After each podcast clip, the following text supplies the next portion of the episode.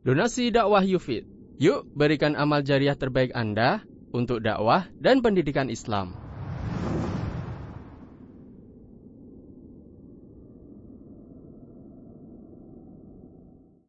Bismillahirrahmanirrahim. Assalamualaikum warahmatullahi wabarakatuh.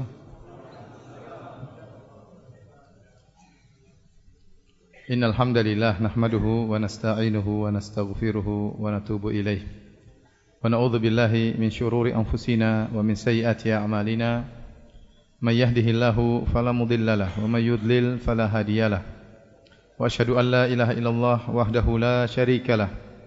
وأشهد أن محمدا عبده ورسوله لا نبي بعده. يا أيها الذين آمنوا اتقوا الله حق تقاته ولا تموتن إلا وأنتم مسلمون. يا أيها الناس اتقوا ربكم الذي خلقكم من نفس واحدة. وخلق منها زوجها وبث منهما رجالا كثيرا ونساء. واتقوا الله الذي تساءلون به والأرحام. إن الله كان عليكم رقيبا.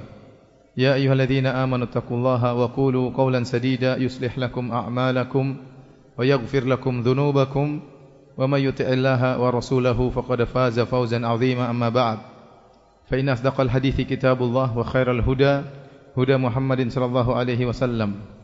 وشر الأمور محدثاتها وكل محدثة بدعة وكل بدعة ضلالة وكل ضلالة في النار Hadirin dan hadirat, ikhwan wa akhwati Bapak-bapak dan ibu-ibu, adik-adik sekalian yang dirahmati oleh Allah Subhanahu wa taala, alhamdulillah puji dan syukur terus kita panjatkan kepada Allah Subhanahu wa taala yang masih memberikan kita kesempatan untuk bisa melanjutkan peribadatan kita, penghambaan kita kepada Allah Subhanahu wa taala.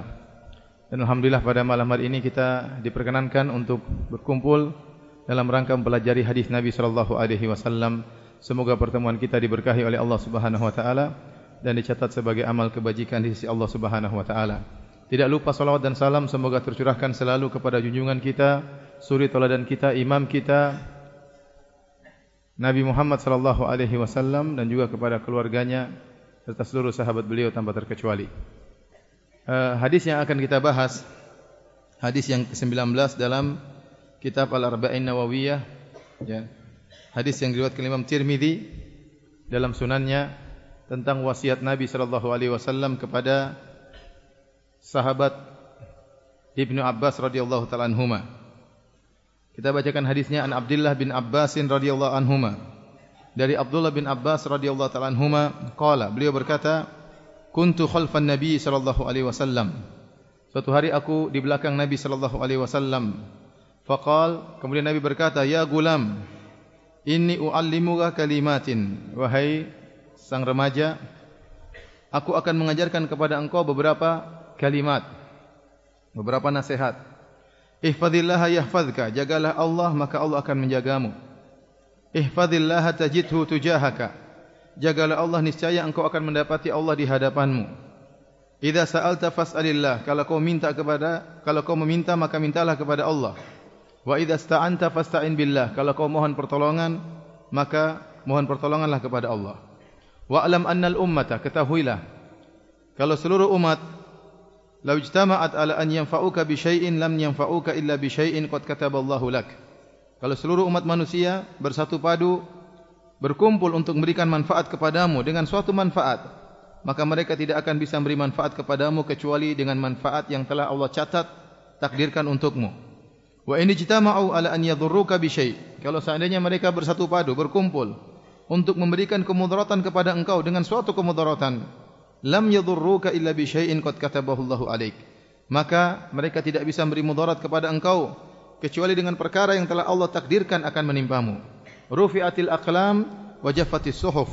Pena-pena telah terangkat dan lembaran-lembaran takdir telah kering. Dalam riwayat yang lain, selain di Tirmizi Rasulullah SAW bersabda ihfazillah tajidhu amamak jagalah Allah niscaya Allah akan engkau dapati Allah di hadapanmu ta'arraf ila Allah fir raha kenalkanlah dirimu kepada Allah dalam kondisi lapang ya'rifka fi shiddah maka Allah akan mengenalmu tatkala engkau dalam kondisi sulit. Wa'lam anna ma akhta'aka lam yakun liyusibak. Ketahuilah apa yang meleset darimu tidak akan mengenaimu. Wa ma asabaka lam yakun liyukhti'ak. Dan apa yang akan menimpamu tidak akan meleset darimu. Wa alam anna an-nasra ma'as sabri, ketahuilah pertolongan itu datang tatkala ada kesabaran. Wa annal faraja ma'al karbi. Dan ketahuilah bahwasanya jalan keluar datang bersama dengan kesulitan. Wa anna ma'al usri yusra dan bersama kesulitan itu ada kemudahan. Taib hadirin dan hadirat yang dirahmati Allah Subhanahu wa taala, kita akan bahas tentang hadis ini, hadis yang panjang ini. Uh, pertama dari hadis ini diriwayatkan oleh sahabat junior yang bernama Ibnu Abbas radhiyallahu taala anhuma Abdullah bin Abbas dan kita tahu Al Abbas bin Abdul Muttalib adalah paman Nabi sallallahu alaihi wasallam. Paman Nabi. Nabi sallallahu alaihi wasallam punya paman tatkala Nabi diangkat menjadi seorang nabi ada paman Nabi ada empat orang. Dua masuk Islam, dua dua dua, dua dan dua orang tetap dalam kondisi musyrik dan meninggal dalam kondisi musyrik. Adapun yang meninggal dalam kondisi musyrik adalah Abu Lahab dan Abu Talib. Abu Lahab dan Abu Talib. Dua-duanya paman Nabi wasallam. Adapun yang masuk Islam, yang pertama Hamzah bin Abdul Muttalib, kemudian meninggal dunia dalam perang Uhud, kemudian masuk Islam belakangan Al-Abbas bin Abdul Muttalib. Jadi Al-Abbas adalah paman Nabi wasallam. Anaknya ada yang bernama Abdullah bin Abbas. Dari sini kita tahu bahwasanya Abdullah bin Abbas adalah sepupu Nabi sallallahu alaihi wasallam, sepupu Nabi. Tetapi jarak umur antara Abdullah bin Abbas sangat jauh. Sementara Nabi dengan pamannya Al-Abbas bin Abdul Muttalib jaraknya dekat. Mungkin beda dua tahun, tiga tahun. ya, Beda sedikit antara Nabi dengan pamannya Al-Abbas. Kalau begitu, apa namanya, eh, sepupunya Abdullah bin Abbas jauh dengan Nabi. Makanya Nabi menggunakan ibarat, Ya gulam, wahai sang remaja. Ya, wahai sang remaja. Sementara Nabi sudah mencapai usia tua. Kata Ibn Abbas, ya, dan dia adalah seorang yang bahar fil ilm, seorang yang pakar dalam ilmu. Bahkan dia adalah ulama di kalangan para sahabat. Bukannya para sahabat lain tidak alim, mereka juga alim. Tetapi banyak sahabat-sahabat senior ya meninggalnya cepat sehingga mereka tidak sempat meriwayatkan banyak ilmu kepada kita. Ya contoh seperti Abu Bakar, Umar, Uthman dan Ali. Mereka adalah orang-orang yang sangat alim. Sangat dekat dengan Nabi, sering dengan Nabi SAW. Tapi mereka tidak sempat banyak meriwayatkan hadis kepada kita. Abu Bakar setelah Nabi meninggal dua tahun berikutnya beliau meninggal dan dalam dua tahun tersebut tersibukkan dengan banyak urusan pemerintahan ya menjaga stabilitas negara menghadapi orang-orang yang murtad dan macam-macamnya Umar pun demikian sibuk dengan urusan kenegaraan Uthman pun demikian Ali pun demikian ya sehingga sahabat-sahabat yang banyak meriwayatkan hadis adalah sahabat-sahabat junior sahabat-sahabat junior seperti Ibnu Abbas Anas bin Malik ya kemudian juga uh, yang masih muda seperti Aisyah radhiyallahu taala Anha Abu Hurairah dan yang lainnya. Oleh karenanya bukan berarti tatkala kita mengatakan Ibnu Abbas adalah orang alim berarti dia paling alim di antara sahabat tidak. Banyak sahabat yang lebih alim, jauh lebih alim dari Ibnu Abbas, tetapi mereka tidak sempat meriwayatkan hadis-hadis kepada kita karena keburu dipanggil oleh Allah Subhanahu wa taala. Namun Ibnu Abbas ini termasuk sahabat yang junior tapi memiliki ilmu yang lebih. Kenapa? Karena dia telah didoakan oleh Nabi sallallahu alaihi wasallam. Rasulullah SAW pernah mendoakan Ibnu Abbas berulang-ulang di antaranya Nabi berdoa, "Allahumma 'allimhu ta'wil wa faqihhu fid din." Ya Allah, ajarkanlah dia ilmu tafsir dan buatlah buatlah dia faqih dalam masalah agama. Sehingga Umar bin Khattab radhiyallahu anhu dalam beberapa kesempatan kalau ada permasalahan, dia panggil sahabat-sahabat senior dan dia panggil juga Ibnu Abbas sahabat junior. Sehingga sahabat-sahabat senior terkadang heran, ya, kenapa Umar mengajak sahabat kecil ini untuk gabung dengan kita bermusyawarah. Maka Umar tunjukkan bahawa si Ibn Abbas ini meskipun dia secara umur junior, tetapi ilmunya ilmu senior. Ya. Tetapi ilmunya ilmu senior, maka dia pantas untuk berdampingan dengan para sahabat-sahabat senior dalam ber bermusyawarah, berbicara tentang masalah masalah umat, masalah agama. Waktu Nabi menyampaikan hadis ini, kepada Ibn Abbas atau kalimat-kalimat ini, wasiat-wasiat ini kepada Ibn Abbas, Ibn Abbas masih remaja, ya, masih mungkin belasan tahun masih belasan tahun. Ibn Abbas berkata, "Kuntu khalfan Nabi wasallam." Aku suatu hari di belakang Nabi wasallam. Dalam sebagian riwayat, "Kuntu khalfan Nabi ala dabbah." Aku dibonceng oleh Nabi wasallam, ya. Apakah di atas kuda ataukah di atas onta, di atas himar? Rasulullah SAW terkadang naik onta dan juga sering naik naik himar, ya. Karena Rasulullah SAW adalah orang yang tawadhu, ya apa saja beliau naiki bahkan tunggangan yang paling sederhana yang tatkala itu adalah himar beliau juga sering naik uh, naik himar ya dan Ibnu Abbas dibonceng di belakang Nabi sallallahu alaihi wasallam dan ternyata banyak sahabat yang pernah dibonceng oleh Nabi sallallahu alaihi wasallam sampai ada seorang ulama menulis juz' buku hadis tentang nama-nama sahabat yang pernah dibonceng oleh Nabi sallallahu alaihi wasallam. Ada sekitar 30 orang. Ada sekitar 30 orang dan biasanya sahabat-sahabat junior seperti Ibnu Abbas, kemudian di antaranya misalnya Usama bin Zaid, kemudian Fadl bin Abbas ya. Ya, kemudian uh, Hasan dan Hussein, kemudian anaknya Abdullah bin Ja'far bin Abi Talib. Kebanyakannya adalah sahabat-sahabat junior yang dibonceng oleh Nabi sallallahu alaihi wasallam. Ini adalah menunjukkan lemah lembutnya Nabi kepada anak-anak ya. Bagaimana kita tidak bangga kalau dibonceng oleh kiai? Senang kalau dibonceng sama kiai. Apalagi cuma berdua ya. Karena memang kalau bertiga enggak bisa ya. Kalau himar enggak bisa ya.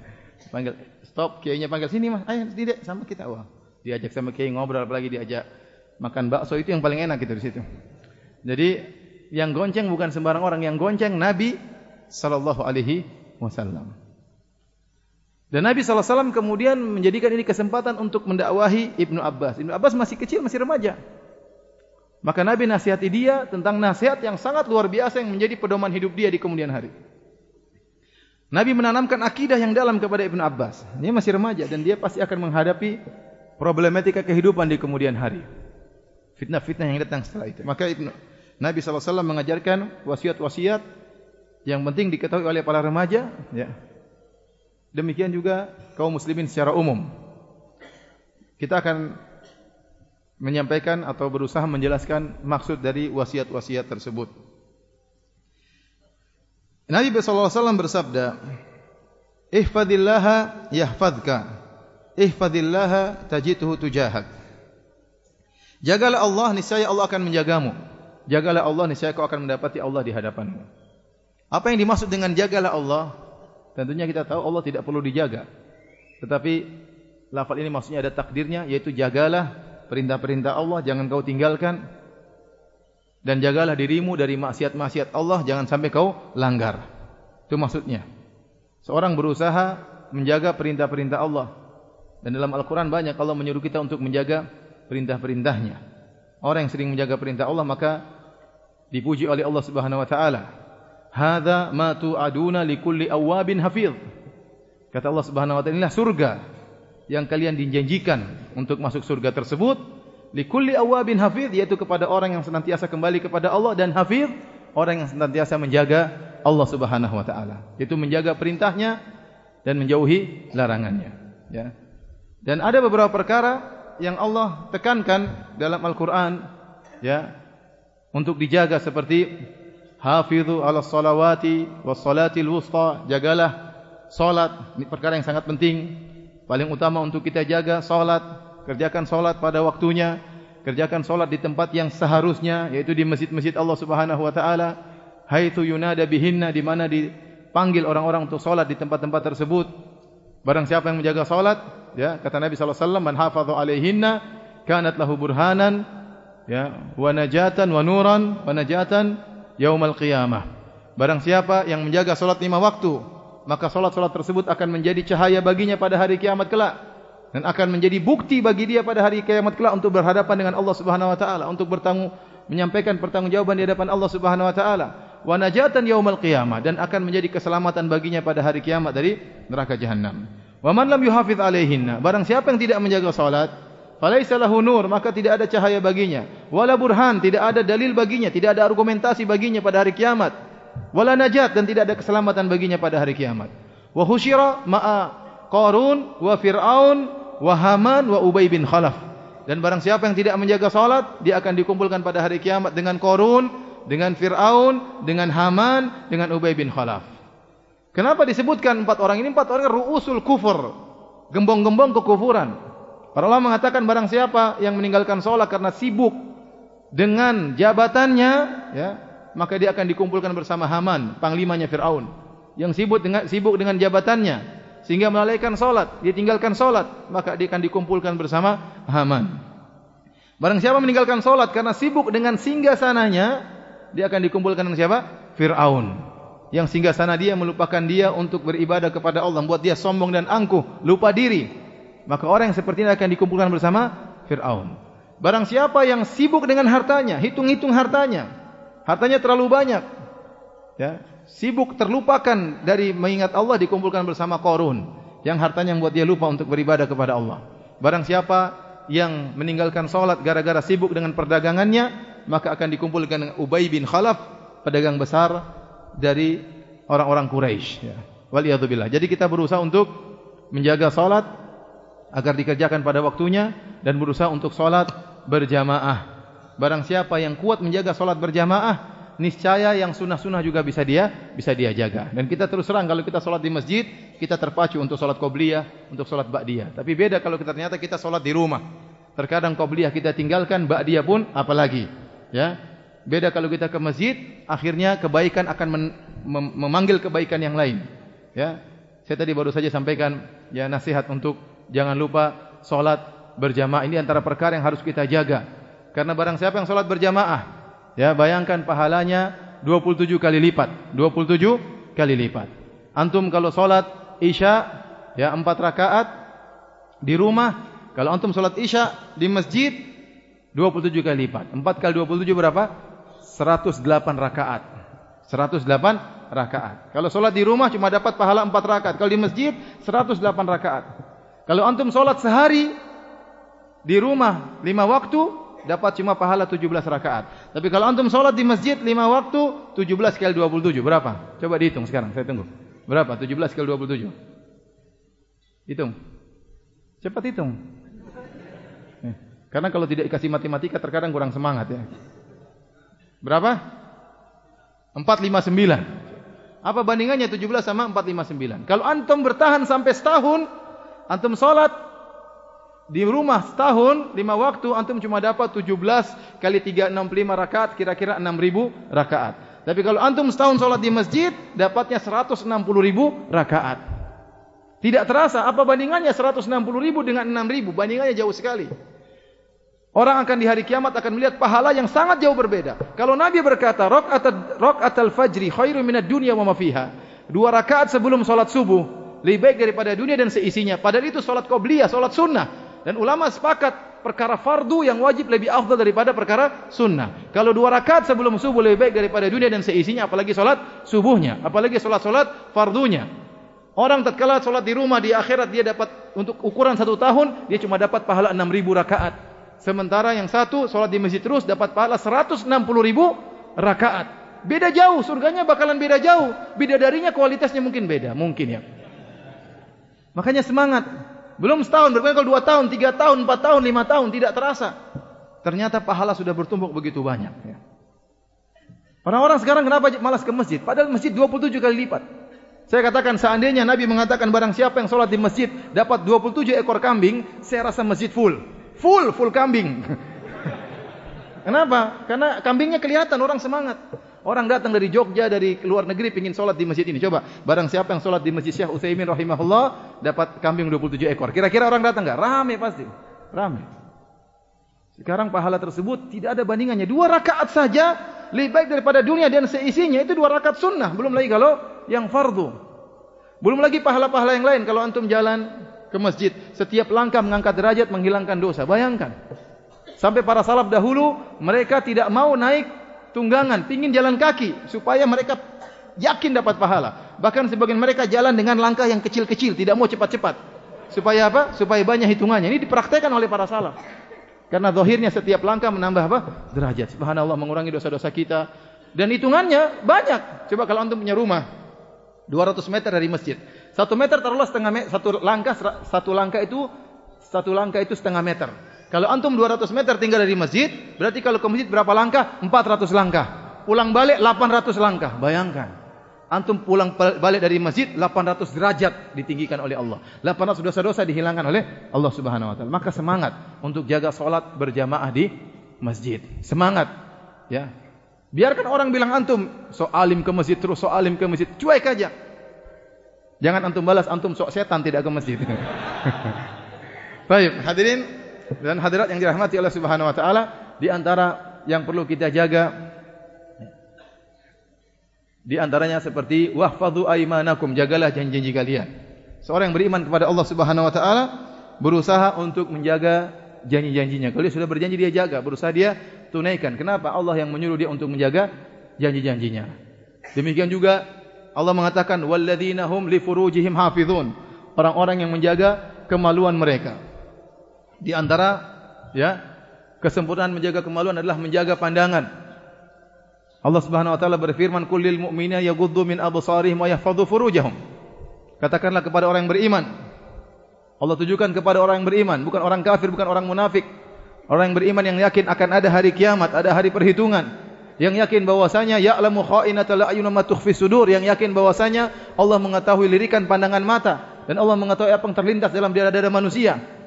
Maka jaga pandangan. Dan ini merupakan kesempurnaan menjaga kemaluan dengan menjaga pandangan.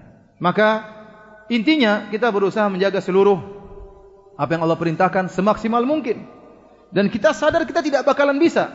Sempurna enggak mungkin kesempurnaan hanya milik Allah Subhanahu wa taala. Suatu saat meskipun kita berusaha menjaga perintah Allah berusaha menjauhi larangan Allah pasti suatu saat kita akan tergelincir. Kalau kita tergelincir bagaimana ya ustaz apakah kita tidak termasuk yang menjaga Allah kalau kita tergelincir segera kembali bertobat hadza ma tu'aduna likulli awabin hafiz Inilah surga yang dijanjikan bagi kalian kepada setiap orang yang awab senantiasa kembali. Kalau dia bersalah segera apa? Kembali. Hafid yang menjaga perintah-perintah Allah subhanahu wa ta'ala. Rasulullah SAW bersabda, Istaqimu walan tuhsuh. Istiqomalah kalian dan kalian tidak bakalan mampu. Dan benar kita tidak bakalan mampu. Makanya Nabi waktu berwasiat kepada seorang sahabat, kepada Mu'ad. Rasulullah SAW berkata, Ittaqillaha ithuma kunt. Bertakwalah kepada Allah dimanapun anda berada dan kapanpun anda berada. Kemudian Rasulullah SAW berkata, "Wa'atbi sayyi'atal hasanata tamhuha." Dan kalau kau melakukan keburukan segera tutupi dengan melakukan kebaikan, niscaya kebaikan tersebut akan menghapuskan dosa yang kau lakukan. Kenapa? Nabi tahu meskipun Nabi telah mewasiatkan kepada sahabat untuk bertakwa kepada Allah kapanpun dan dimanapun, dia pasti tidak mampu. Suatu saat dia pasti tergelincir. Kalau tergelincir ada solusinya, segera bertobat atau segera melakukan kebajikan yang lain. Taib hadirin dan hadirat yang dirahmati Allah Subhanahu wa taala, kalau kita menjaga perintah Allah, maka ada balasannya. Al jaza min jinsil amal. Balasan sesuai dengan perbuatan. Kita menjaga Allah, maka Allah akan menjaga kita. Allah akan menjaga kita. Bahkan Rasulullah SAW tekankan. Rasul ulang dua kali. Ihfadillaha yahfadka. Jagalah Allah, niscaya Allah akan menjagamu. Ihfadillah tajidu tujahaka. Jagalah Allah niscaya kau akan dapati Allah di hadapanmu. Artinya apa? Kalau kita senantiasa menjaga Allah, pertolongan Allah cepat. Makanya Nabi mengatakan, jagalah Allah niscaya kau dapati Allah di hadapanmu. Berarti cepat. Kalau seorang yang soleh senantiasa merasa diawasi oleh Allah Subhanahu Wa Taala, bertakwa kepada Allah, menjauhi larangan-larangan Allah, ya, punya hubungan khusus dengan Allah Subhanahu Wa Taala, maka jika dia menghadapi kesulitan, maka pertolongan Allah datang cepat, tidak lambat. Cepat. Karena kata Nabi, "Ihfazillah tajidhu tujahaka." Jagalah Allah niscaya kau dapati Allah di hadapanmu. Baik. Apa balasannya? Balasannya Allah menjaga kita. Kata para ulama, penjagaan Allah terhadap seorang hamba dalam dua perkara. Yang pertama, menjaga agamanya. Yang kedua, menjaga dunianya. Menjaga agama yang sangat penting. Allah menjaga dia Kenapa dia sering beribadah kepada Allah, sering salat, dia ikhlas kepada Allah Subhanahu wa taala. Ada syubhat-syubhat yang masuk, dia tidak terima akalnya. Sementara ada orang-orang yang cerdas langsung masuk syubhat tersebut di kepalanya. Betapa banyak orang yang akhirnya baca-baca syubhat apalagi zaman sekarang media sosial ragu dengan adanya Tuhan. Ragu, tadinya beriman, ragu terhadap adanya Tuhan. Saya kemarin baru mengisi waktu mengisi pengajian ada seorang ibu berkata, "Ustaz, saya minta tolong kenapa? Anak saya hari tahun ini mulai tahun ini membuat pernyataan tahun ini saya tidak mau puasa sejak tahun ini. Kenapa dia ragu dengan adanya Allah Subhanahu wa taala? Saya pernah ngisi pengajian di Masjid Nabawi, setelah pengajian ada orang datang kepada saya, "Ustaz, orang umrah, saya mau tanya khusus." Saya bilang, "Silakan. Apa pertanyaanmu?" "Ustaz, Allah itu ada atau tidak?" "Lu ngapain kamu umrah?" Jadi syubhat sekarang merajalela. Syubhat sekarang merajalela. Dibuat ragu tentang akidah, dibuat ragu tentang benarnya Islam, dibuat bahwasanya agama lain terasa merasa terasanya benar. Ya. Syubhat-syubhat ini kalau kita tidak bertakwa kepada Allah bisa masuk dalam otak kita. Tidak ada yang bisa jaga kita kecuali Allah Subhanahu wa taala. Kemudian syubhat-syubhat yang lain ya berkaitan dengan syahwat kita. Agama kita bisa goyang kalau kita tidak jaga oleh Allah Subhanahu wa taala. Maka di antara contoh yang nyata akan hal ini adalah kisah Nabi Yusuf alaihissalam yang digoda dengan godaan yang luar biasa yang Allah abadikan dalam Al-Qur'an wala qad hammat bihi wa hamma biha laula an ra'a burhana rabbi kadzalika linasrifa anhu su'a wal fahsya innahu min ibadina al-mukhlasin Nabi Yusuf digoda oleh Zulekha dalam tempat yang tertutup, pintu-pintu semua sudah dikunci. Zulekha cantiknya luar biasa. Dia yang pertama kali merayu Nabi Yusuf. Nabi Yusuf masih sangat muda, syahwatnya juga berkobar, namanya anak muda. Ya, dia adalah orang yang asing jauh dari kampungnya. Kalau dia melakukan maksiat tidak tidak jadi masalah, tidak mempermalukan keluarganya. Wanita Zulekha juga sangat cantik jelita, sudah cantik kemudian dia hias dirinya, cantik di atas kecantikan, ya. Ternyata dia bisa selamat. Dari mana bisa selamat? Allah yang selamatkan. Karena kalau Allah tidak selamatkan, mustahil bisa selamat.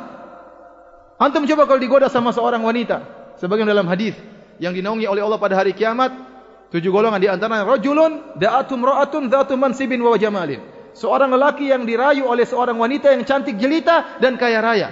Tapi dia berkata, "Fa ini akhafullah, saya takut kepada Allah Subhanahu wa taala." Antum bayangkan antum ditelepon sama cewek cantik jelita kaya raya. Tapi mustahil kayaknya enggak enggak ada yang telepon antum.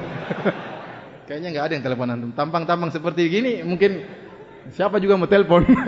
Tapi maksud saya seandainya antum digoda dengan godaan seperti itu, laki-laki pasti KO. Laki-laki pasti KO. Pasti KO.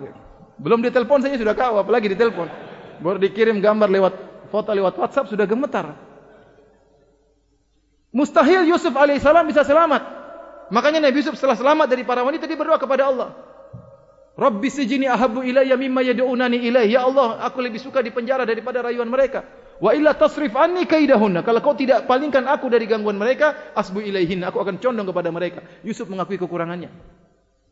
Dia enggak mungkin selamat secara logika enggak mungkin selamat dalam ujian seperti itu.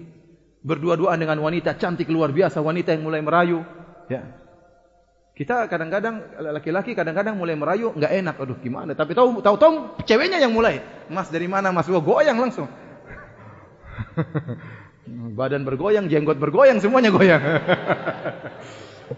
Para hadirin Allah Subhanahu wa taala, maka mustahil secara logika Nabi Yusuf alaihissalam selamat, tetapi Allah beri petunjuk laula an ra'a burhana rabbi kalau bukan dia melihat petunjuk dari Allah. Kata Allah, "Kadzalika linasrif anhu su'a wal fasha." Demikianlah kami jauhkan dia dari perbuatan keji dan perbuatan buruk. Kenapa? Allah sebutkan ilahnya, sebabnya. Innahu min ibadinal mukhlasin. Dia adalah dari hambaku yang ikhlas. Maka seorang kalau bertakwa kepada Allah, ya dia jaga Allah, jaga kemaluannya, jaga pandangannya, jaga dirinya, jalankan perintah Allah, jauh dari kemaksiatan, maka tatkala dia diuji agamanya, Allah akan jaga dia. Dia bisa selamat dari fitnah syahwat dan dia bisa selamat dari fitnah syubhat. Apalagi zaman sekarang ini. Sebagian orang selamat dari fitnah syubhat, tewas dalam fitnah syahwat. Sebagian orang selamat dari fitnah syahwat, tewas dalam fitnah syubhat. Tidak kuat terkena syubhat. Jadi barang siapa yang menjaga Allah, Allah akan menjaga dia. Pertama dari sisi agama. Yang kedua, dari sisi duniawi. Para ulama menjelaskan. Allah akan jaga dia dari sisi duniawinya. Di antaranya Allah Subhanahu wa taala berfirman, "Lahu muaqibatun min baini yadayhi wa min khalfihi yahfazunahu min amrillah." Sungguhnya ada malaikat-malaikat muaqibat yang ada di hadapan dia dan di belakang dia menjaga dia dengan izin Allah Subhanahu wa taala. Allah kirimkan malaikat untuk menjaga dia dari hal-hal yang bisa ya membuat dia binasa, membuat dia celaka misalnya ya. Mungkin antum pernah lihat ada klip di media sosial ada seorang anak di pinggir jalan Kemudian tiba-tiba semut datang menyerang kakinya. Dia berusaha bertahan di situ tapi semut semakin banyak. Maka dia pun pindah. Baru saja dia beranjak tiba-tiba ada bis yang kemudian nyasar nabrak di posisi dia tadi berdiri. Itu Allah kirim semut tersebut supaya dia bisa terhindar. Ya. Dan itu bukan suatu yang kebetulan. Itu dan kita sering mengalami dan tidak mungkin kita ceritakan. Artinya kita mengalami kejadian-kejadian yang itu mustahil kebetulan. Bukan kebetulan, tapi sudah diatur oleh Allah Subhanahu wa taala. Berarti Allah menjaga menjaga kita. Oleh karena seorang berusaha menjaga Allah Subhanahu wa taala, Allah akan jaga dunianya. Di antaranya Allah akan jaga kesehatannya, Allah akan jaga akalnya. Ya. Oleh karena saya tidak pernah saya tidak mendapati ulama di Arab Saudi yang pikun. Saya enggak dapati ada ulama pikun. Ya. Bahkan di usia mereka yang tua tetap saja kalau jawab dengan jawaban yang otak mereka semakin encer. Ya, tidak pikun, tidak uh, uh, uh, aduh ayatnya apa, aduh, uh, enggak, tetap aja lancar, ayatnya lancar, hadisnya lancar. Ya, mereka tidak pikun. Kenapa selama ini mereka menjaga ayat-ayat Allah? Selama ini mereka hafal Quran. Kalau mereka hafal Quran, Allah tidak akan jadikan mereka apa? Pikun. Meskipun umur mereka sudah 80, meskipun mereka sudah 90, tetap saja lancar dalam berdalil, lancar dalam menjawab. Kenapa mereka dijaga oleh Allah Subhanahu wa taala? Kemudian Allah bukan cuma menjaga diri kita secara tubuh ya, secara kesehatan Allah juga menjaga bahkan lebih daripada itu. Istri kita, anak-anak kita Allah jaga. Oleh karenanya Said Ibn al-Musayyib salah seorang ulama dari kalangan tabi'in dia memperpanjang solatnya ya. Kemudian dia berkata kepada anaknya dia solat panjang dia mengatakan inni tawaltu fi salat min ajlik. Saya perpanjang solat saya karena demi engkau wahai anakku. Raja'a an uhfadha fika. Saya berharap Allah menjaga saya di antara konsekuensi Allah menjaga saya Allah menjaga kamu sebagai anakku jadi kalau Allah menjaga seorang hamba bukan cuma sang hamba yang Allah jaga, bahkan istrinya, keluarganya, anak-anaknya juga dijaga oleh Allah Subhanahu wa taala. Hartanya juga dijaga oleh Allah Subhanahu wa taala. Dan tidak ada dalil yang paling kuat tentang ini seperti dalil dalam surat Al-Kahfi tentang kisah Nabi Khadir dan Nabi Musa alaihissalam alaihi wasallam tatkala mereka datang di suatu tempat minta dijamu. Ya. Kata Allah Subhanahu wa taala, mereka pun datang ke suatu negeri fastata'ama ahlaha Lantas mereka berdua Musa dan Khadir minta makan kepada penghuni negeri tersebut. Fa'abau ayyudhayifuhuma.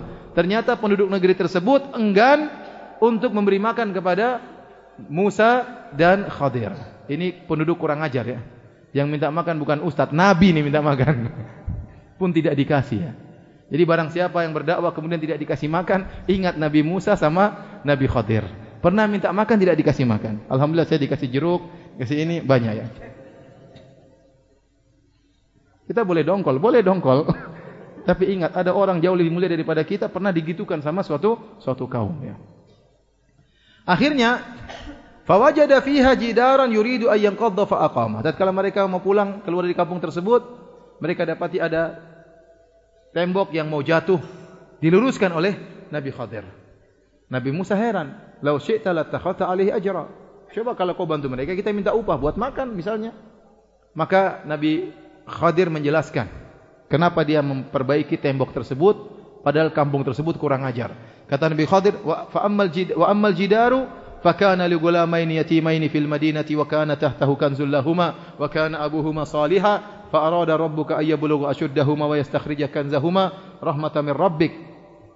Kata Allah Subhanahu wa taala, kata Allah Subhanahu wa taala, Khadir berkata, adapun dinding tersebut yang saya tegakkan ya adalah milik dua orang anak yatim. Dan di bawah dinding tersebut, tembok tersebut ada kans, ada harta. Kalau dinding tersebut miring, harta tersebut akan kelihatan. Orang-orang kampung tadi yang kurang ajar kalau lihat bisa diambil. Supaya harta tersebut terjaga, diluruskan. Supaya tetap tersembunyi di bawah dinding. Itu maksudnya. Diluruskan. Ha, sampai nanti dua anak yatim ini dewasa, nanti mereka yang menemukan harta tersebut. Jadi Allah jaga anak yatim tersebut, bahkan Allah jaga harta mereka berdua. Kenapa? Ilahnya apa? Sebabnya apa? Kata Khadir, wa kana abuhuma salihah. Karena anak dari dua anak yatim ini dulu adalah ayah dari dua anak yatim ini adalah ayah yang saleh. Ternyata para ahli tafsir menyebutkan ini adalah kakek yang ketujuh. Yang saleh. Bayangkan Allah jaga tujuh turunan, ya. Gara-gara kakeknya pernah soleh kakek yang ketujuh. Sampai tujuh turun Allah jaga. Tergantung kekuatan iman seseorang. Tergantung kekuatan iman seseorang. Oleh karenanya para hadirin dan hadirat, apalagi di zaman sekarang, ya kita ingin anak-anak kita dijaga. Di antara cara agar anak-anak kita dijaga oleh Allah, kita menjaga diri kita. Berdoa kepada Allah agar menjaga diri kita dan menjaga anak-anak anak-anak kita. Ihfadillaha yahfadka. Jagalah Allah maka Allah akan menjagamu. Dalam riwayat yang lain, dalam riwayat yang lain, Nabi berkata, "Ihfazillah tajidhu amamak." Jagalah Allah niscaya engkau dapati Allah di hadapanmu. Ta'arraf ila Allah fi ar-rakha ya'rifka fi shiddah. Kenalkanlah dirimu kepada Allah, berusaha kenallah Allah tatkala kau dalam kondisi lapang. Niscaya ya'rifka fi shiddah, Allah akan mengenalmu tatkala kau dalam kondisi sulit. Ikhwan, saya ingatkan, di antara bentuk bersyukur yang sangat luar biasa anda bersyukur kepada Allah, mengenal Allah, dekat dengan Allah tatkala Anda dalam kondisi lapang. Lagi sehat, lagi punya duit banyak, ya. Lagi enggak punya utang. Anda mulai rajin beribadah kepada Allah, lebih dekat kepada Allah, lebih bersyukur kepada Allah. Kalau mengenal Allah tatkala dalam kondisi sulit itu biasa. Ada orang tiba-tiba rajin sholat malam. Kenapa? Ditagih utang terus. Wajar. Ada orang tiba-tiba rajin sholat malam. Kenapa? Karena lagi sakit. Wajar. Itu bagus. Itu enggak itu enggak salah. Itu bagus. Itu juga tauhid. Tapi itu biasa. Jangankan kita orang Islam, orang musyrik pun terkadang demikian kata Allah Subhanahu wa taala, "Wa idza raqibu fil fulki da Allah mukhlishina lahuddin, falamma najjahum ilal barri idza musyrikun." Kata Allah, tatkala mereka orang-orang musyrikin dahulu berlabuh di lautan dan mereka diterpa dengan ombak yang sangat luar biasa, mereka ikhlas berdoa kepada Allah Subhanahu wa taala.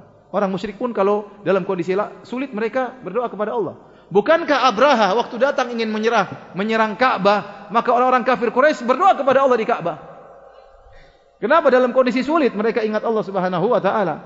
Ya, kalau mengingat, Allah dalam kondisi sulit banyak dilakukan. Orang musyrik pun demikian. Orang pelaku maksiat juga demikian, orang-orang saleh pun demikian. Dan ini bagus kita mengingat Allah dalam kondisi sulit. Tapi yang lebih afdal kita mengenalkan diri kita justru dalam kondisi apa? Lapang. Kenapa? Karena banyak orang dalam kondisi lapang lupa untuk mengingat Allah Subhanahu wa taala. Makanya Rasulullah SAW mengatakan nikmatani maghbunun fihi makatsirun minan nas, as-sihha wal faragh. Dua kenikmatan yang banyak orang terpedaya, sehat dan waktu luang. Dia sehat, dia lupa bahwasanya suatu saat dia akan sakit. Ya. Dia sehat, dia lupa bahwasanya suatu saat dia akan sakit. Waktu sehat dia tidak beribadah kepada Allah. Makanya saya bilang, mumpung antum dalam kondisi sehat, dalam kondisi masih bisa aktivitas, mumpung lagi duit lagi ada, jangan lupa bersedekah, jangan lupa solat malam, jangan lupa solat duha, jangan lupa berbakti kepada orang tua. Kenalkan diri anda kepada Allah. Kenalkan diri anda kepada Allah. Kata Allah, ya'rifka fi syiddah. Nanti dalam kondisi sulit, Allah akan mengenal engkau. Para Allah menyebutkan dalil akan hal ini. Di antaranya, seperti kisah yang dialami oleh Nabi Yunus alaihissalam. Allah subhanahu wa ta'ala, wa dhanuni idhahaba mugadiban. Mugadiban. Fadhanna an la naqdiru alayhi fanada fi dhulumati an la ilaha illa anta subhanaka inni kuntu minadh dhalimin. Dan Nabi Yunus Alaihissalam. tatkala dia pergi meninggalkan umatnya, kaumnya dalam kondisi marah, umatnya tidak beriman. Dan dia menyangka kami tidak akan menyempitkan urusannya. Tiba-tiba Allah mengujinya, tiba-tiba dia ditelan oleh ikan, ikan paus. Tatkala ditelan oleh ikan paus, siapa yang bisa tolong Nabi Yunus Alaihissalam? Tidak ada yang bisa tolong. Coba kalau antum ditelan ikan paus, sudah sinyal pun mati, itu tidak bisa. Nanti mau telepon siapa? WhatsApp nggak jalan, semua nggak jalan. Ya. Oleh karenanya kata Allah fanada fi dzulumat dia menyuruh dalam tiga dalam kegelapan-kegelapan. Para ulama mengatakan ada tiga kegelapan yang meliputi Nabi Yunus alaihissalam. Pertama kegelapan perut ikan paus. Dalam perut ikan paus enggak ada lampu, gelap. Yang kedua kegelapan lautan. Dalam kegelapan lautan, dalam lautan juga gelap. Yang ketiga kegelapan alam semesta, lagi gelap di malam hari.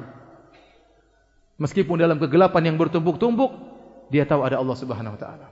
Fanada fi dzulumat, maka dia berdoa, La ilaha illa anta subhanaka inni kuntu minadh dhalimin. Ya, ya ya Allah, tidak ada yang berhak disembah kecuali Engkau. Sungguhnya aku termasuk orang-orang yang berbuat zalim. Sebagian ulama menyebutkan maka dalam sebagian athar disebutkan maka tatkala dia berdoa, suara ini dikenal oleh para malaikat. Ini suara siapa? Suara yang kita kenal. Yang senantiasa berdoa kepada Allah tatkala dalam kondisi lapang suaranya Yunus alaihissalam. Kenapa selama ini dia senantiasa beringat Allah Subhanahu wa taala dalam kondisi sulit suaranya dikenal? Jadi kalau anda beribadah kepada Allah dalam kondisi lapang, anda melakukan hubungan khusus dengan Allah. Allah akan mengenal anda dengan pengenalan khusus. Kita semua dikenal oleh Allah. Tidak ada yang dikenal tidak dikenal oleh Allah. Semua kita adalah makhluk Allah. Allah kenal kita semua. Jangankan antum, daun di manapun Allah tahu. Kata Allah Subhanahu Wa Taala, wa matasqutu mi waraqatin illa ya'lamuha. Tidak ada satu daun pun yang gugur kecuali Allah tahu tentang daun tersebut karena semuanya ciptaan Allah. Kalau daun Allah tahu, semut Allah tahu untuk daun. Daun itu berapa jumlahnya di alam semesta ini? Sangat banyak daun. Pohon saja berapa triliun di alam semesta ini. Belum lagi daunnya, pohonnya saja sudah kebanyakan. Belum lagi daunnya. Tapi kalau ada satu daun yang jatuh di ujung belantara Afrika, di ujung belantara Irian Jaya, Papua, atau ada daun satu jatuh, Allah tahu tentang daun tersebut. Allah mengenal kita semuanya, kita semua dikenal Allah karena ciptakan kita adalah Allah Subhanahu wa taala. Ala ya'lamu man khalaq Bukankah Allah mengetahui ciptaannya? Jelas, yang mencipta tahu tentang apa yang diciptakannya. Tetapi yang kita inginkan pengenalan khusus, hubungan khusus antara kita dengan Allah. Jaga. Bagaimana Allah bisa mengenal kita lebih khusus? Beribadah kepada Allah tatkala dalam kondisi lapang. Ini yang sering dilupakan. Orang banyak kembali kepada Allah dalam kondisi sulit. Kita ingin mengingat Allah dalam kondisi lapang. Seandainya Yunus alaihissalam tidak biasa mengingat Allah dalam kondisi lapang, dia akan ditinggalkan oleh Allah. Kata Allah Subhanahu wa taala, "Falaula annahu kana minal musabbihin, lalabitha fi batnihi ila yaumi yub'atsun." Kalau bukan dia dulu sering bertasbih kepadaku, mengingat Allah, maka dia akan berada dalam perut ikan paus sampai hari kiamat. Karena dahulu dia sering mengingat Allah dalam kondisi lapang ingat Allah. Maka tatkala dia perlu kepada Allah, Allah langsung hadir dan Allah langsung menyelamatkan Yunus alaihissalam. Oleh karena para hadirin yang dirahmati Allah Subhanahu wa taala, berusaha untuk mengenal Allah tatkala dalam kondisi lapang.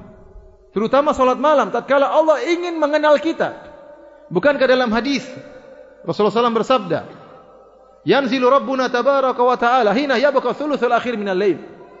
Allah dengan karunia-Nya, dengan kebaikannya turun di langit dunia setiap sepertiga malam yang terakhir mencari hamba-hambanya. Kemudian Allah berkata, "Hal min mustaghfirin fa aghfirlah." Apakah ada di antara hambaku yang mohon ampun akan aku ampuni? Hal min sa'ilin fa utiya su'lah. Apakah ada orang yang mohon akan aku kabulkan permohonannya? Hal min da'in fa astajib lahu. Apakah ada orang yang berdoa akan aku kabulkan doanya? Saatnya ente bangun, anda bangun cari muka di hadapan Allah. Lawan itu rasa kantuk. Anda ingin mengenal Allah, ingin ada hubungan khusus antara anda dengan Allah. Bangun salat malam. Kata Nabi sallallahu alaihi wasallam, "Shallu bil laili wa nasu niyam tadkhulul jannata bi salam." Salatlah kalian di malam hari, tatkala orang-orang sedang tidur niscaya kalian akan masuk surga dengan penuh keselamatan. Bangun lawan itu rasa kantuk. Ya akhi luar biasa baiknya Allah Subhanahu wa taala. Harusnya si miskin yang mencari si kaya. Harusnya si miskin yang berjalan mengetuk pintu si kaya. Ini yang maha kaya turun di sepertiga malam yang terakhir mencari antum. Terus antum tidak mau bangun. Bangun ya ikhwan. Kenalkan diri anda kepada Allah agar anda dikenal oleh Allah secara perkenalan khusus. Punya hubungan khusus Suatu saat anda dalam kesulitan, anda mohon kepada Allah, suara anda langsung didengar oleh Allah Subhanahu Wa Taala dan dikabulkan oleh Allah Subhanahu Wa Taala. Jadi berusaha mengingat Allah dalam kondisi lapang. Kemudian sebaliknya, kalau seorang tidak mengenal Allah dalam kondisi lapang, lupa kepada Allah, dalam kondisi sulit dia minta kepada Allah, terkadang tidak dikabulkan. Allah lupakan dia, Allah tinggalkan dia. Para ulama menyebutkan contohnya seperti Fir'aun. Fir'aun luar biasa kurang ajarnya kepada Allah Subhanahu wa taala. Tatkala akan meninggal dunia, dia bersyahadah la ilaha illallah. Kata Allah Subhanahu wa taala, "Falamma adrakahul gharaku, qala amantu annahu la ilaha illa alladhi amanat bihi banu Israil wa ana minal muslimin." Tatkala dia akan tenggelam, tiba-tiba Firaun berkata, Amantu aku beriman annahu la ilaha illa alladhi amanat bihi banu Israil. Aku beriman bahwasanya tidak ada sembahan yang berhak disembah kecuali Allah Tuhannya Bani Israel. Di penghujung hayatnya dia beriman. Di penghujung hayatnya dia melakukan amalan ibadah yang luar biasa. Yaitu perkataan la ilaha sebelum meninggal. Padahal Nabi berkata, "Man kana akhiru kalamihi la ilaha illallah dakhala jannah." Barang siapa yang akhir perkataannya la ilaha masuk surga. Ternyata Firaun perkataannya terakhir apa? La ilaha illallah. Luar biasa. Fir'aun masuk surga, masuk neraka paling bawah. Allah tidak terima. Allah mengatakan, Al-ana wa qada asaita qablu wa kunta minal mufsidin. Sekarang baru kau sadar, wahai Fir'aun. Tidak bermanfaat. Dulu kau termasuk orang yang merusak. Melakukan kerusakan. Bahkan disebut dalam riwayat yang Hasan dihasilkan oleh Syekh Al-Bani rahimahullah ta'ala. Waktu Fir'aun mulai ngomong, La ilaha illallah, La ilaha illallah. Jibril alaihissalam langsung ambil lumpur masukkan ke mulutnya. Karena kalau dia komat kami terus nanti Allah ampuni. Jibril enggak mau dia diampuni ambil lumpur masukin ke mulutnya. Karena Jibril tahu Allah Maha Pengasih lagi Maha Penyayang. Ini kalau Firaun diterima tobatnya gawat ini. Enggak mau ambil lumpur, taruh di mulutnya biar enggak bisa bertobat ya. Jadi kalau orang lupa kepada Allah, satu saat dia terjebak, dia berdoa, berdoa, berdoa. Mungkin ditolong oleh Allah tapi lambat, tidak cepat. Oleh karena para hadirin Allah Subhanahu wa taala jangan lupa ta'arraf ila Allah fi ar-raha ya'rifka fi syiddah. Kenalah Allah Subhanahu wa taala dalam kondisi lapang, niscaya Allah akan mengenal engkau dalam kondisi susah. Kemudian kita lanjutkan. Nabi SAW berwasiat kepada Ibnu Abbas. Idza sa'alta fas'alillah wa idza sta'anta fas'in billah. Jika kau minta, mintalah kepada Allah dan jika kau memohon maka mohonlah kepada Allah Subhanahu wa taala. Allah berfirman, "Iyyaka na'budu wa iyyaka nasta'in." Hanya kepada Engkau lah kami beribadah ya Allah dan hanya kepada Allah kami mohon pertolongan. Maka seorang berusaha kalau ada masalah apapun, jangan lupa pertama minta kepada Allah Subhanahu wa taala. Biasakan kita berdoa dan doa itu ibadah yang sangat dicintai oleh Allah Subhanahu wa taala. Doa itu terlepas dikabulkan enggak dikabulkan itu adalah suatu ibadah. Ya. Doa itu ibadah yang dicintai oleh Allah. Ya. Makanya Nabi SAW mengatakan doa huwal ibadah. Doa adalah ibadah. Minta kepada Allah Subhanahu wa taala. Dan jangan pernah malu minta kepada Allah. Minta aja. Bahkan dalam hadis yang dhaif tapi maknanya benar kata Nabi wasallam, "Liyas ala ahadukum rabbahu hatta syirakana alihi." Idzan qata. Mintalah kepada Rabbmu meskipun hanya untuk memperbaiki tali sendalmu jika tali sendalmu putus. Minta kepada Allah. Nabi mengajarkan kita punya hajat kecil minta kepada Allah. Jangan pernah malu. Makanya Nabi yang mengajarkan kita dalam melakukan kegiatan apa saja berdoa kepada Allah. Mau keluar rumah berdoa kepada Allah, bangun tidur berdoa kepada Allah, pergi masuk WC ada doanya, keluar dari WC ada doanya, masuk pasar ada doanya. Bangun tidur ada doanya, mau tidur ada doanya. Masuk rumah ada doanya, keluar rumah ada doanya. Mau bergaul dengan istri ada doanya. Makan ada doanya, selesai makan ada doanya. Nabi berkata, Ya hayu ya qayyum birahmatika astaghith, fa aslih li sya'ni kullah, wa la takilni ila nafsi tarafata ain. Ya hayu ya qayyum birahmatika astaghith. Ya Allah, dengan rahmatmu aku memohon pertolongan. Ya. Fa aslih li sya'ni kullah. Luruskanlah, mudahkanlah, perbaikilah segala urusanku. Wala takilni nafsi tarfatain. Dan jangan kau serahkan urusanku kepadaku meskipun hanya sekejap mata. Maka seorang latih diri untuk minta kepada Allah. Kalau kita minta kepada manusia ya kita menghinakan dirinya. Allah semakin kita minta dia semakin senang dengan kita. Semakin mencintai kita. Oleh karenanya hamba Allah yang paling banyak meminta Nabi Muhammad wasallam karena dia tahu bahwasanya Allah Maha baik dan dia tahu dia adalah makhluk yang sangat butuh kepada Allah. Nabi Muhammad SAW. Makanya Allah mensifati dia dengan hambanya. Kenapa? Karena Nabi Muhammad menyempurnakan ubudiyah kepada Allah. Allah mengatakan, Subhanalladzi asra bi abdihi. Maha suci Allah yang telah menjalankan hambanya. Dalam kondisi seperti ini Allah tidak mengatakan Subhanalladzi asra bi rasulihi tidak. Segala puji Maha suci Allah yang perjalankan rasulnya tidak, tapi Allah mengatakan Maha suci Allah yang telah menjalankan hambanya. Kenapa kata para ulama? Karena Rasulullah menyempurnakan ubudiyah. Minta kepada Allah Subhanahu wa taala. Makanya tatkala haji wada disebutkan Rasulullah SAW berdoa. Dari setelah solat duhur dan asar jamak takdim, Rasulullah SAW berdoa sampai terbenam matahari. Angkat tangan berdoa kepada Allah. Di bawah terik matahari Nabi berdoa di atas ontanya. Sampai tangannya diangkat ke, ke, ke arah langit minta kepada Allah. Kuat Nabi berdoa. Nanti kalau antum hajian, Antum melihat, tidak semua orang kuat untuk berdoa. Sebagian orang berdoa 10 menit sudah bingung minta apa lagi. Ya Allah lunasi hutangku. Ya Allah apa lagi kalau laki-laki? Ya Allah istriku masih melarang. melarang apa? Wallahu alam. ya Allah, ya pokoknya kita minta ini, minta ini, minta ini, minta ini kembali lagi. Ya Allah lunasi hutangku. Hutang berulang-ulang diminta.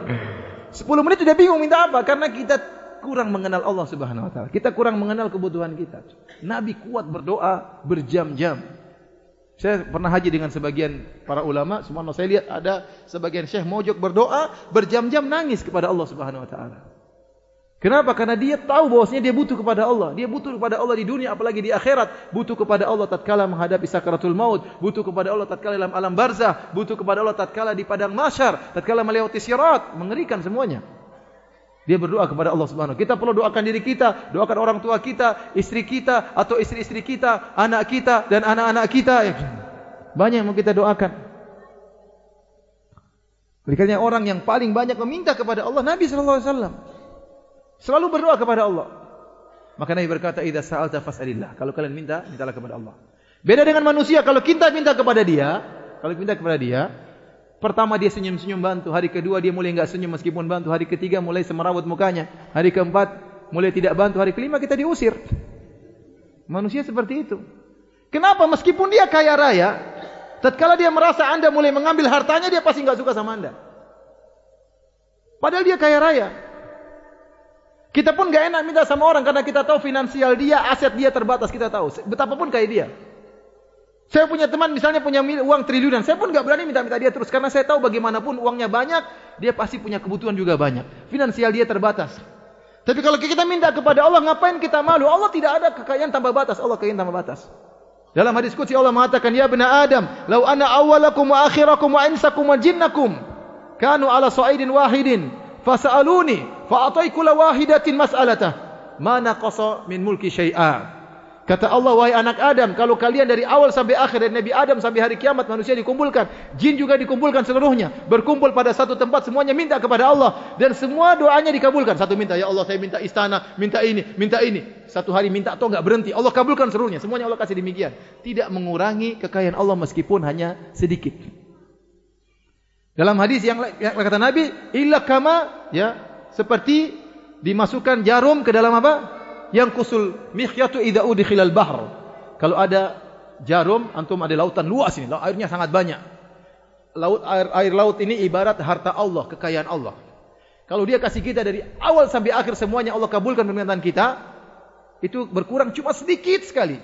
Kurangnya seperti kalau jarum kita masukkan ke air laut, kita angkat, berkurang atau tidak? Tidak berkurang karena apa nama jarum ini lancip, licin, akhirnya menetes lagi. Dia gantung sini kemudian apa? Netes lagi, tidak berkurang sama sekali. Karena bagi Allah semuanya mudah, kun fayakun, mudah. Nah kalau anda tahu Allah itu maha kaya, enggak usah malu minta sama Allah. Kalau manusia kita malu, dan dia juga nanti mempermalukan kita. Akhirnya kita malu-maluin ya. Tapi kalau Allah, ngapain ente malu? Kalau semua orang menutup pintunya, pintu langit tidak pernah tertutup. Jadinya masalahnya banyak orang, setiap dapat masalah minta kepada manusia terlebih dahulu. Anda boleh minta tolong sama manusia, boleh diskusi, boleh musyawarah, tapi pertama minta kepada Allah. Betapa sering orang datang, datang kepada saya. Ustaz, saya ada masalah gini, gini, gini. Paling saya jawab, sabar. Ada yang bertanya-bertanya, Ustaz, saya tidak mau jawaban sabar ya, kasih solusi. Maksa. saya mau apa? Ada orang datang sama saya pernah, saya pernah ngisi pengajian, ini kisah nyata. Saya ngisi pengajian tentang keutamaan memberi utangan kepada orang lain. Barang saya memberi utang satu juta, dia dapat pahala seperti sedekah lima ratus ribu. Setelah saya ngisi pengajian, tiba-tiba ada orang datang ketuk pintu Ustaz. Assalamualaikum, waalaikumsalam. Saya ada keperluan Ustaz. Tadi antum pengajiannya bagus gini-gini. Saya ingin langsung minta pinjam uang sama Ustaz. saya punya utang Ustaz. Saya tanya utangmu berapa? Sekian. Aduh, kodarullah utang saya lebih banyak daripada utang kamu. Semua diapain? Kalau saya punya duit, saya bayar utang saya dulu. Betapa banyak orang kalau kita minta tolong kita nangis-nangis dia bilang sabar, sabar.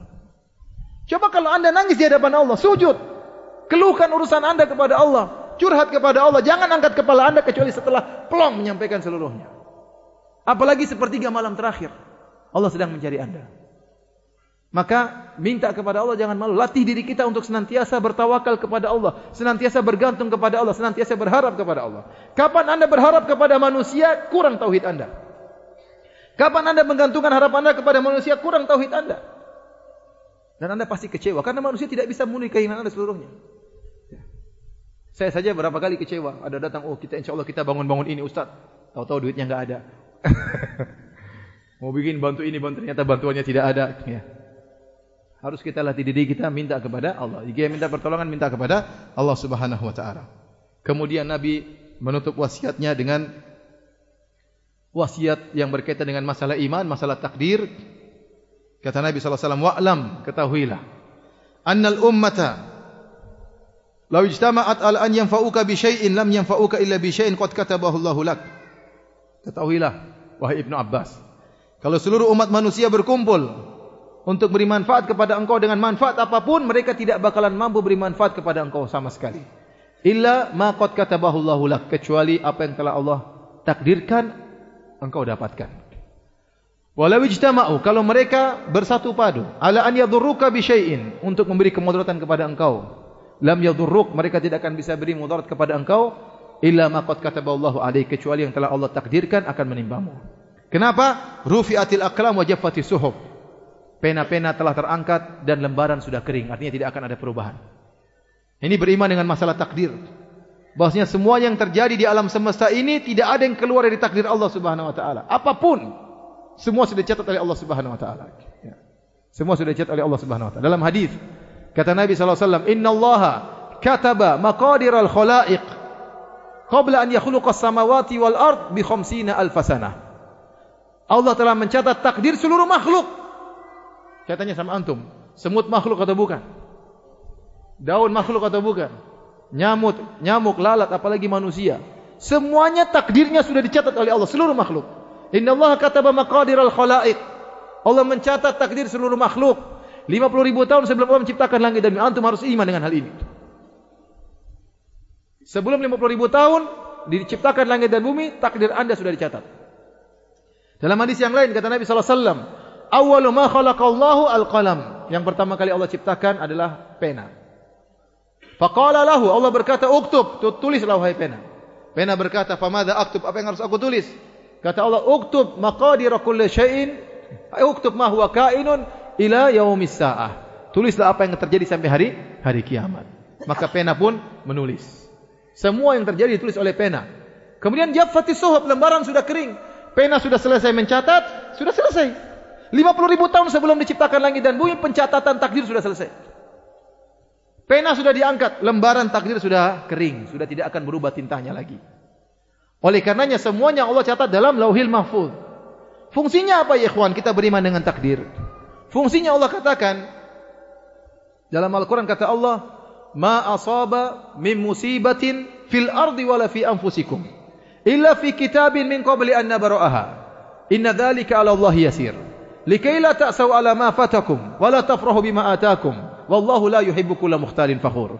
Kata Allah, musibah apa saja yang menimpa kalian, yang menimpa diri kalian atau terjadi di atas muka bumi ini, kecuali telah tercatat di Lauhil Mahfuz sebelum Allah menciptakannya. Semua musibah sebelum Allah menciptakannya setelah Allah catat dalam Lauhil Mahfuz. Tujuannya apa?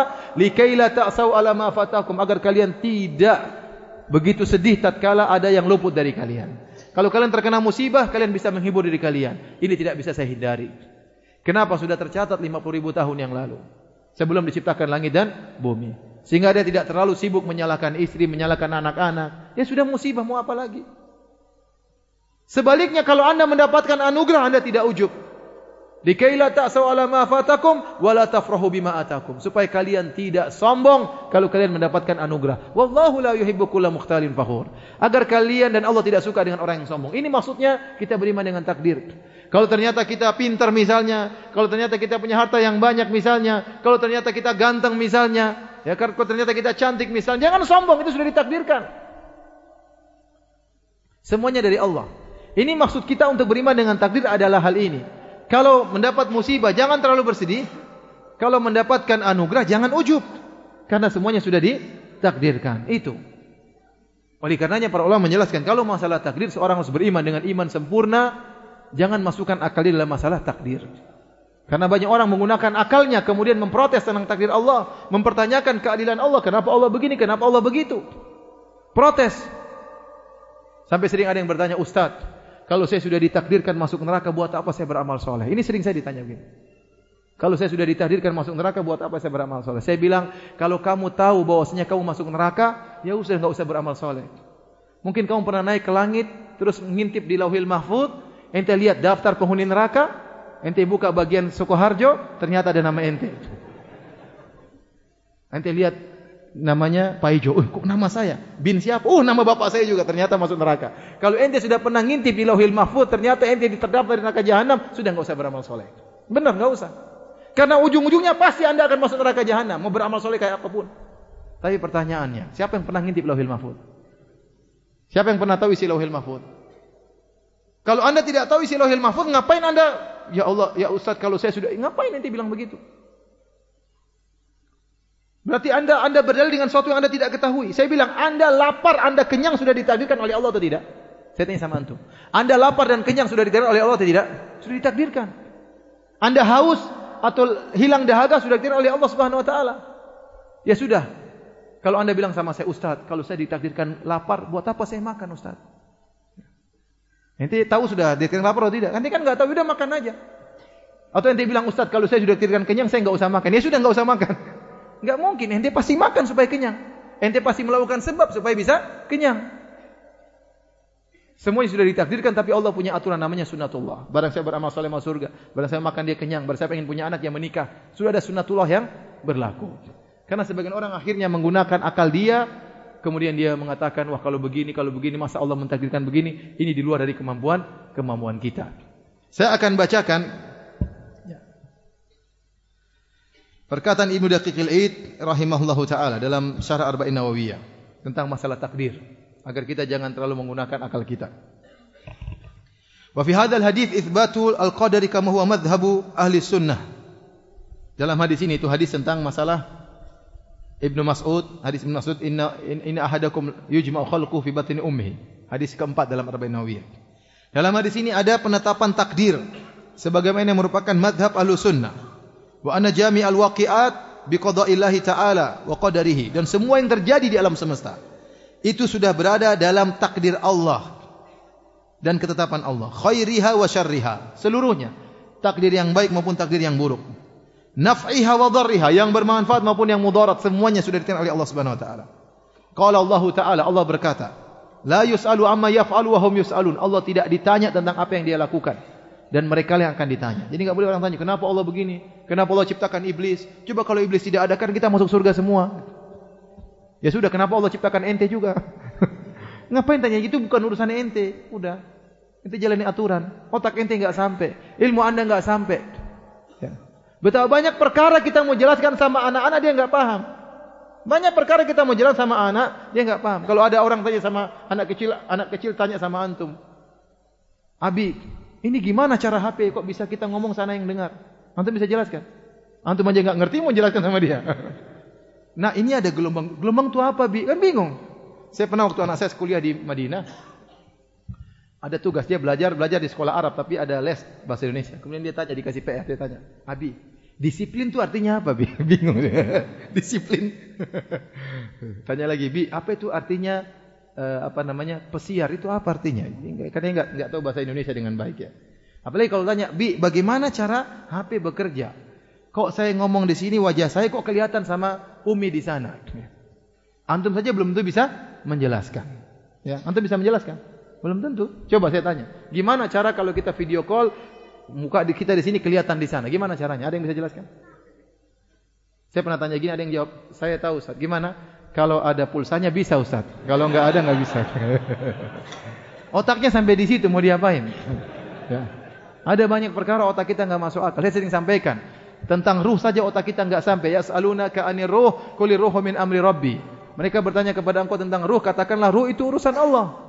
Kalau antum datangkan pakar fisika, pakar kimia, pakar biologi, seribu pakar di alam semesta ini. Suruh berbicara tentang ruh, pasti ngawur semuanya. Kenapa ilmu mereka tidak sampai hakikat ruh? Terbuat dari unsur apa, bagaimana, bagaimana tempelnya dalam jasad, bagaimana keluar dari jasad, enggak ada yang tahu. Antum panggil seluruh pakar bicara tentang jin saja. Bagaimana kok bisa dari api berjadi dirubah menjadi suatu makhluk yang tercipta dari api bisa jadi makhluk seperti ini. Bisa masuk dalam tubuh manusia, bisa menguasai otak manusia, bisa berbicara dengan pita suara manusia. Bagaimana caranya? Otaknya enggak sampai. Banyak perkara otak kita tidak sampai. Terus anda ingin berbicara tentang takdir, tentang kenapa Allah begini, kenapa Allah begitu, enggak sampai. Otak kita enggak sampai.